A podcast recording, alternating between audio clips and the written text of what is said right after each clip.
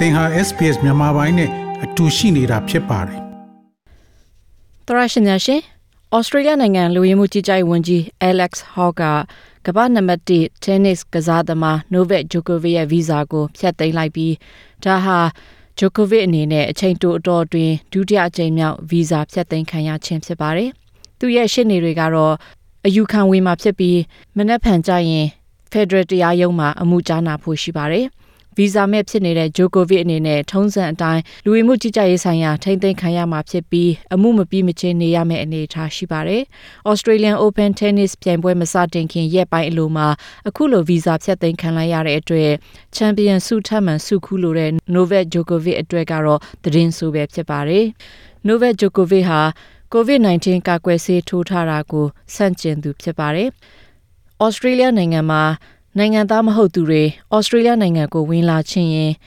ကာကွယ်ဆေးအပြည့်အဝထိုးရမယ်လို့သတ်မှတ်ထားပါတယ်။ဒါပေမဲ့မကြာခင်ကာလအတွင်းကိုဗစ်ရောဂါကူးစက်ခံရဖူးရင်ကာကွယ်ဆေးထိုးစရာမလိုတဲ့ချင်းချက်ရှိတဲ့အတွက်ဂျိုကိုဗစ်ဟာဒီဇင်ဘာလ16ရက်နေ့တုန်းကကိုဗစ်ကူးစက်ခံရတယ်လို့ပြောဆိုလို့ဩစတြေးလျနိုင်ငံကိုဝင်လာခွင့်ဗီဇာရရှိခဲ့ပါတယ်။ ဒါပေမဲ့ဩစတြေးလျနိုင်ငံကိုဆိုက်ရောက်တဲ့နေ့မှာပဲဗီဇာဖျက်သိမ်းခံလိုက်ရပါတယ်တရားရုံးမှာအယူခံဝင်တဲ့အခါမှာတော့တရားရုံးကသူဟာဒီကိစ္စနဲ့ပတ်သက်ပြီးသူ့ရှင်းနေနဲ့အချိန်လုံလောက်စွာပြောခွင့်မရဘူးဆိုပြီးသူ့ကိုအနိုင်ပေးလိုက်လို့ဩစတြေးလျနိုင်ငံထဲမှာ tennis ကစားခွင့်ရရှိသွားပါတယ်။ဒါပေမဲ့အဲ့ဒီနောက်ပိုင်းမှာတော့သူဟာလူဝင်မှုကြီးကြပ်ရေးရာအတွက်ဖြစ်ဆွဲတဲ့ဖောင်ထဲမှာအချက်လက်မှန်မဖြစ်ဘူးဆိုတာတွေ လွန်ခဲ့တဲ့14ရက်အတွင်းစပိန်နိုင်ငံပြင်တခြားနေရာသွားခဲ့သေးသလားလို့မေးတဲ့နေရာမှာ Novak Djokovic ကတခြားနိုင်ငံသွားလာခဲ့ခြင်းမရှိဘူးလို့ဖြေဆိုခဲ့ပါတယ်။တကယ်တော့သူဟာစပိန်နိုင်ငံမသွားခင် သူ့ရဲ့မွေးရာမြေဆာဘီးယားနိုင်ငံမှာရှိနေခဲ့တာဖြစ်ပြီးစပိန်နိုင်ငံကနေဩစတြေးလျကိုအလာမှာ ဒူဘိုင်းမှာခရီးတစ်ထောက်နားခဲ့ပါတယ်။ဒါအပြင်ဒီဇင်ဘာလ16ရက်နေ့မှာ COVID-19 ကူးစက်ခံရတာလို့ပြောပေမဲ့18ရက်နေ့မှာအပြင်သွားလာပြီးចောင်းသားတွေနဲ့နှာခေါင်းစည်းမပါဘဲဓာတ်ပုံတွဲရိုက်တာတွေလမ်းမပေါ်မှာ tennis ကစားတဲ့ပုံတွေတက်လာခဲ့ပါတယ်။ဩစတြေးလျနိုင်ငံကလူအများပြားကလည်း Novak Djokovic ဟာဥပဒေကိုကျော်လွန်ပြီးလိန်ညာမှုလုပ်ခဲ့တဲ့အပေါ်မကြည်မနှဖြစ်ကြသလိုသူ့ကိုထောက်ခံသူတွေလည်းရှိပါတယ်။ ဒါပေမဲ့မနေ့တောက်ကြနေ့မှာတော့လူဝင်မှုကြီးကြပ်ရေးဝန်ကြီး Alex Hawke ကသူ့ရဲ့လုံပိုင်ခွင့်အရာအများပြည်သူရဲ့လိုလားချက်အတိုင်း public interest အရာ Novak Djokovic ရဲ့ဗီဇာကိုဖျက်သိမ်းလိုက်ကြောင်းထုတ်ပြန်လိုက်ပါတယ်။ဝန်ကြီး Alex Hawke ရဲ့ email ထဲမှာ Novak Djokovic ကိုဩစတြေးလျနိုင်ငံမှာဆက်နေခွင့်ပေးရင်တခြားလူတွေလည်းကာကွယ်ဆေးထိုးဖို့ညှင်းဆန်မှုတွေဖြစ်လာနိုင်ပြီးကာကွယ်ဆေးထိုးခြင်းကိုဆန့်ကျင်တဲ့လူတွေရဲ့အမြင်တွေမှန်ကန်ကြောင်းပြသရာရောက်နိုင်သလို booster dose ထိုးမဲ့လူနည်းသွားနိုင်ပြီးအများပြည်သူအတွက်ထုတ်ပြန်တဲ့စီးမြင်တွေကိုရှောင်ကြဉ်ရလဲရောက်မယ်လို့ပြောဆိုလိုက်ပါတယ်။ဒီလိုဆုံးဖြတ်ချက်အတွက် စိတ်ကတိကတောက်ဖြစ်မှုတွေစိတ်ပိုင်းဆိုင်ရာခံစားချက်တွေနဲ့စိတ်ဖိစီးမှုတွေဖြစ်စေနိုင်မယ်ဆိုတာကိုနားလည်သလိုနာမည်ကျော်စောမှုကိုထိခိုက်နေနာတာတွေအလုတ်အကင်ထိခိုက်နေနာမှုတွေဖြစ်နိုင်ပေမဲ့ကျန်းမာရေးအတွက်စီးမြင်စည်းကမ်းလိုက်နာမှုနဲ့အများပြည်သူရဲ့ဆန္ဒအရဆုံးဖြတ်ချက်ချရခြင်းဖြစ်တယ်လို့ပြောဆိုထားပါတယ်။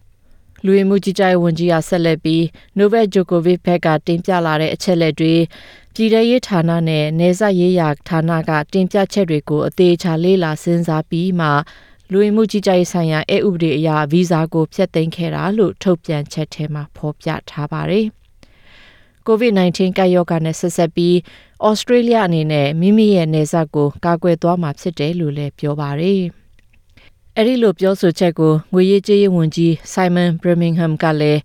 ABC နဲ့အင်တာဗျူးမှာထောက်ခံမှုလုပ်ခဲ့ပါတယ်။ Look, uh, the world should know that Australia has clear border protection policies in place. Our government, in response to COVID 19, has used the border rules very effectively to provide protection for much of the last two years. Uh, and that now we've ကဘာပေါ်ကလူတွေတည်တည်နာကတော့ဩစတြေးလျနိုင်ငံမှာနေဆက်ကာကွယ်ရေး policy တွေရှိတယ်ဆိုတာပါပဲ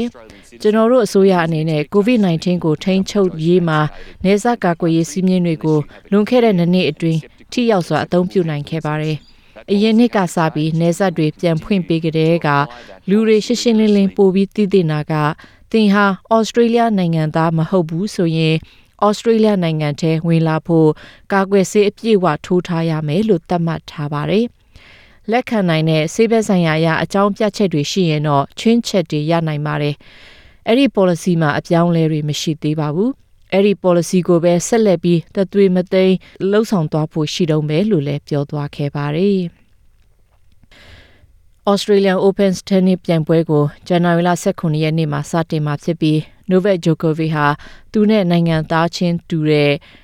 Miemor Kramanovic နဲ့ပထမအဆင့်မှာရှင်ပြိုင်ကစားရဖို့ရှိပေမဲ့ Australian Open Tennis ပြိုင်ပွဲမစခင်ဗီဇာဖြတ်သိမ်းခံရတာဖြစ်ပါတယ်။အသက်34နှစ်အရွယ် Novak Djokovic အနေနဲ့ဩစတြေးလျနိုင်ငံကနေပြည်နေနံမခံရခင် tennis ပြန်ဆော့နိုင်ရေးအတွက် သူ့ရဲ့ရှစ်နေတွေကလည်းအမြန်ဆုံးလောက်ကင်နေကြပါတယ်။မနေ့ဖန်ဇန်နဝါရီလ16ရက်နေ့ကျရင် Federal တရားရုံးက Novak Djokovic ရဲ့အယူခံဝင်မှုကိုကြားနာကြဖို့ရှိပါတယ်။ လက်ရှိအနေအထားအရ Novak Djokovic အနေနဲ့လူဝင်မှုထိန်းသိမ်းစခန်းမှာထိန်းသိမ်းခံရမယ့်အနေအထားရှိတယ်လို့လူဝင်မှုရေးရာရှေ့နေဖြစ်သူ Angel Alexov ကပြောပါတယ် There's a legal duty on the government to detain a person that doesn't hold a visa. And obviously, if his visa is cancelled, that would be him. ဗီဇာမရှိတဲ့လူတွေကိုထိန်းသိမ်းဖို့တရားရေးရာကသတ်မှတ်ပေးထားပါတယ်။အဲဒီတော့ Novak Djokovic ဟာဗီဇာဖြတ်သိမ်းခံရသူဖြစ်လို့ထိန်းသိမ်းခံရမှာပါ။ ဒါပေမဲ့သူဘယ်နားမှာထိန်းသိမ်းခံရတယ်လဲဆိုတာကတော့ပို့ပြီးတော့လျှို့ဝှက်မှုရှိနိုင်ပါတယ်။နေအိမ်အကျယ်ချုပ်အနေနဲ့ထိန်းသိမ်းထားတာမျိုးလည်းဖြစ်နိုင်တယ်လို့ပြောပါတယ်။ Djokovic ဟာဩစတြေးလျနိုင်ငံကို၃နှစ်အတွင်းဝင်လာခွင့်မရှိတော့တာမျိုးလဲကြုံရနိုင်ပါတယ် The consequences of a visa cancellation depend on which future visa you apply for. And there's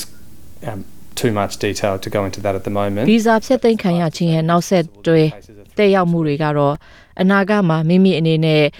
ဘယ်ဗီဇာအမျိုးအစားကိုလျှောက်ထားတယ်လဲဆိုတဲ့အပေါ်မူတည်နိုင်ပါတယ်။အခုလောလောဆယ်အဲ့ဒီကိစ္စကိုပြောရမယ်ဆိုရင်အင်မတန်ကိုအသေးစိတ်ကြလွန်ပါတယ်။ဒါပေမဲ့အထွေထွေအားဖြင့်တော့သူ့အနေနဲ့၃နှစ်အတွင်းဩစတြေးလျနိုင်ငံကိုဝင်လာခွင့်မရတော့တာမျိုးဖြစ်နိုင်တယ်လို့ပြောပါတယ်။ လူရမှုကြီးကြပ်ရေးဌာနကတွဲဖက်အတွင်းရေးမှူးဟောင်းအာဘူရစ်ဗီရဲ့အဆိုအရဒီကိစ္စကအနှဲငယ်ကြာရှည်အောင်မှာဖြစ်ပြီးအစိုးရအတွက်စမ်းသပ်မှုတရားဖြစ်နိုင်တယ်လို့လည်း ABC Radio နဲ့အင်တာဗျူးမှာပြောပါတယ် Well, the key there is public interest grounds because that's the legal test here, and that is the test that the, the court will apply. Um, was it in the public interest for uh, the minister to cancel this visa? အဓိကကတော့အများပြည်သူရဲ့စိတ်ဝင်စားမှုဖြစ်ပါတယ်။အကြောင်းရင်းကတော့တရားရေးရာကိုစောင့်ကြည့်နေကြတာပါ။တရားရုံးကဘယ်လိုကင်တွယ်ဆုံးဖြတ်မလဲဆိုတာကိုစောင့်ကြည့်ကြပါတယ်။ဗီဇာကိုဖျက်သိမ်းတာဟာအများပြည်သူရဲ့အလိုအရလုပ်တာလား။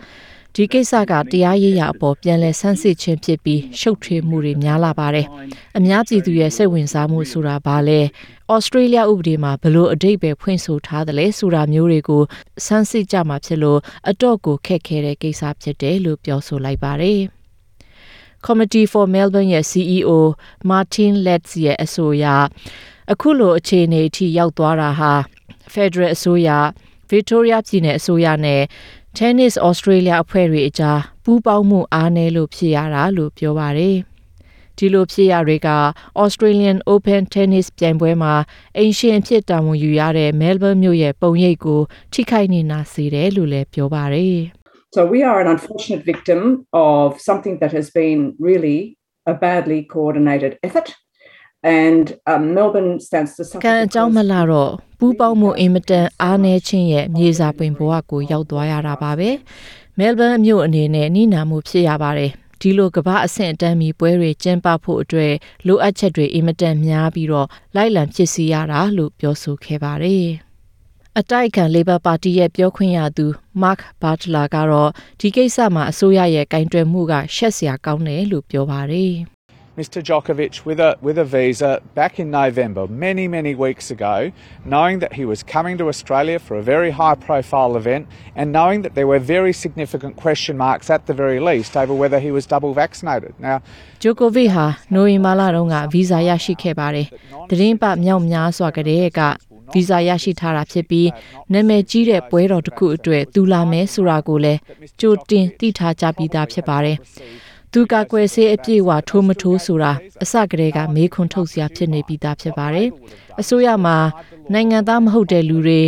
အမြဲတမ်းနေထိုင်ခွင့်မရတဲ့လူတွေကာကွယ်ဆေးနှချောင်းထိုးမထားဘူးဆိုရင်ဩစတြေးလျနိုင်ငံထဲဝင်ခွင့်မရှိဘူးဆိုတဲ့ policy ကရှိပြီးသားဖြစ်ပါတယ်။ဂျိုကိုဗစ်အနေနဲ့လိုအပ်တဲ့ကာကွယ်ဆေးတွေကိုထိုးမဲ့အနေအထားမရှိဘူးဆိုတာကိုလည်းကကောင်းကြီးသိထားကြရသားနဲ့သူ့ကိုဗီဇာပေးခဲ့ကြပါတယ်။ ဒူဘိုင်းမှာခရီးတစ်ထောင်နားတော့ကလည်းသူ့ကိုဘယ်သူမှမဟန့်တားခဲ့ပါဘူး။ Labor ပါတီကတော့တရားဥပဒေအတိုင်းဒီထက်ပိုမိုကောင်းမွန်စွာကင်တွယ်နိုင်မှာဖြစ်တယ်လို့ပြောဆိုဝေဖန်လိုက်ပါတယ်။အဲ့ဒါအပြင်အတိုက်ခံ Labor ပါတီခေါင်းဆောင် Anthony Albanese ကလည်းအစိုးရရဲ့ကင်တွယ်မှုကရှက်စရာပဲလို့ထပ်လောင်းပြောဆိုခဲ့ပါတယ် It was unknown that this was coming, and the idea that only late on a Friday afternoon, on the weekend before the tournament begins, we finally have a decision from the federal ဘာတွေ government. ဆုံးဖြတ်မလဲဆိုတာလူတွေမသိခဲ့ကြပါဘူးသိလဲသိရရောတောက်ကြနေ့မွန်းလွယ်ပိုင်းဖြစ်နေပြီး tennis ပြိုင်ပွဲမစခင်နှစ်ရက်အလိုမှာမှ Federal အစိုးရကနောက်ဆုံးမှသူတို့ရဲ့ဆုံးဖြတ်ချက်ကိုအသိပေးခဲ့တာဖြစ်ပါတယ်ဒီလိုလောက်ရဟာ Australia အတွက်အရှက်ရစရာဖြစ်ပြီးဒီလိုမဖြစ်အောင်အစကတည်းကရှောင်ရှားနိုင်တယ်လို့ပြောဆိုလိုက်ပါတယ် ဝန်ကြီးချုပ် Scott Morrison ကတော့လူဝင်မှုကြီးကြပ်ရေးဝန်ကြီးရဲ့ဆုံးဖြတ်ချက်ကိုထောက်ခံတဲ့အကြောင်းထုတ်ပြန်လိုက်ပြီးဒီကိစ္စကတရားရေးရာကိစ္စဖြစ်လာနိုင်တာကြောင့်ဒီထက်ပိုပြီးမှတ်ချက်မပြုလို့ဘူးလို့မင်းညာကထုတ်ပြန်ထားပါတယ်။ Novak Djokovic ရဲ့ဗီဇာကိုဒုတိယအကြိမ်မြောက်ဖျက်သိမ်းလိုက်တာနဲ့ဆက်ဆက်ပြီးဆာဘီယာသမ္မတကလည်းဩစတြေးလျရဲ့လုပ်ရပ်ကို ဝေဖန်လိုက်ပါတယ်။ဆာဘီယာသမ္မတ Alexander Vucic ကတော့ဩစတြေးလျအစိုးရဟာ Novak Djokovic ကိုနောက်ဆက်တိုက်ခိုက်ပြီးနှိပ်ကွပ်နေတယ်လို့ဆွဆွဲပြောဆိုလိုက်ပါတယ်။ Vjerovatno ne bih ni reč rekao. I am stunned by the fact that such decisions can be made by executive powers of the government after the court has made its decision. Very often they are giving us a lecture about the rule of law. What would you think the reaction would be if in တ Serbia ရာရုံးရဲ့ဆုံးဖြတ်ချက်အပြီးအစိုးရရဲ့အာဏာနဲ့အဲ့ဒီလိုဆုံးဖြတ်ချက်တွေချနိုင်တယ်ဆိုတာကိုသိရတဲ့အခါမှာအင်မတန်ကိုအံ့အားသင့်မိပါတယ်။မကြာခဏဆိုသလိုသူတို့တွေကကျွန်တော်တို့ကိုတရားဥပဒေစိုးမိုးရေးနဲ့ပတ်သက်ပြီး lecture တွေရိုက်လေရှိပါတယ်။ ဆာဘီယာနိုင်ငံမှာတရားရုံးရဲ့ဆုံးဖြတ်ချက်ကိုလိလျူရှုပြီးဝန်ကြီးတဦးဦးကနေဆုံးဖြတ်ချက်ချလိုက်မယ်ဆိုရင်ဘာဖြစ်မလို့ယူဆကြပါသလဲ။ကျွန်တော်တို့ကိုသူတို့ပြသလိုက်တာကတော့သူတို့ရဲ့တရားရေးရာစနစ်မှာဘဲလိုက်မှုမရှိဘူးဆိုတာကိုပြသပေးမဲ့တစ်ဖက်မှာလည်းတရားရေးရာကဘာအကျုံးဝင်မှုမှမရှိဘူးဆိုတာကိုလည်းပြသလိုက်ခြင်းဖြစ်ပါတယ် အာနာရီအားလုံးကအစိုးရရှိမှရှိနေတယ်ဆိုတာကိုပြသလိုက်တာဖြစ်တယ်လို့လည်းဝေဖန်ပြောဆိုလိုက်ပါတယ်ဆာဘီယာအနေနဲ့ဂျိုကိုဗစ်အတွက်ဆက်လက်တိုက်ပွဲဝင်ပေးသွားမှာဖြစ်တယ်လို့လည်းဆာဘီယာသမ္မတကပြောပါတယ်။ဒီအကြောင်းတွေကိုဘီဝါခွန်းနဲ့ Abby Dingham တို့ရေးထားတာကိုအကြမ်းဖျင်းဘာသာပြန်တင်ဆက်လိုက်ပါတယ်ရှင်။ SPS မြန်မာပိုင်းကို Facebook ပေါ်မှာ like ရှာပြီး like မျှဝေမှတ်ချက်ပေးပါ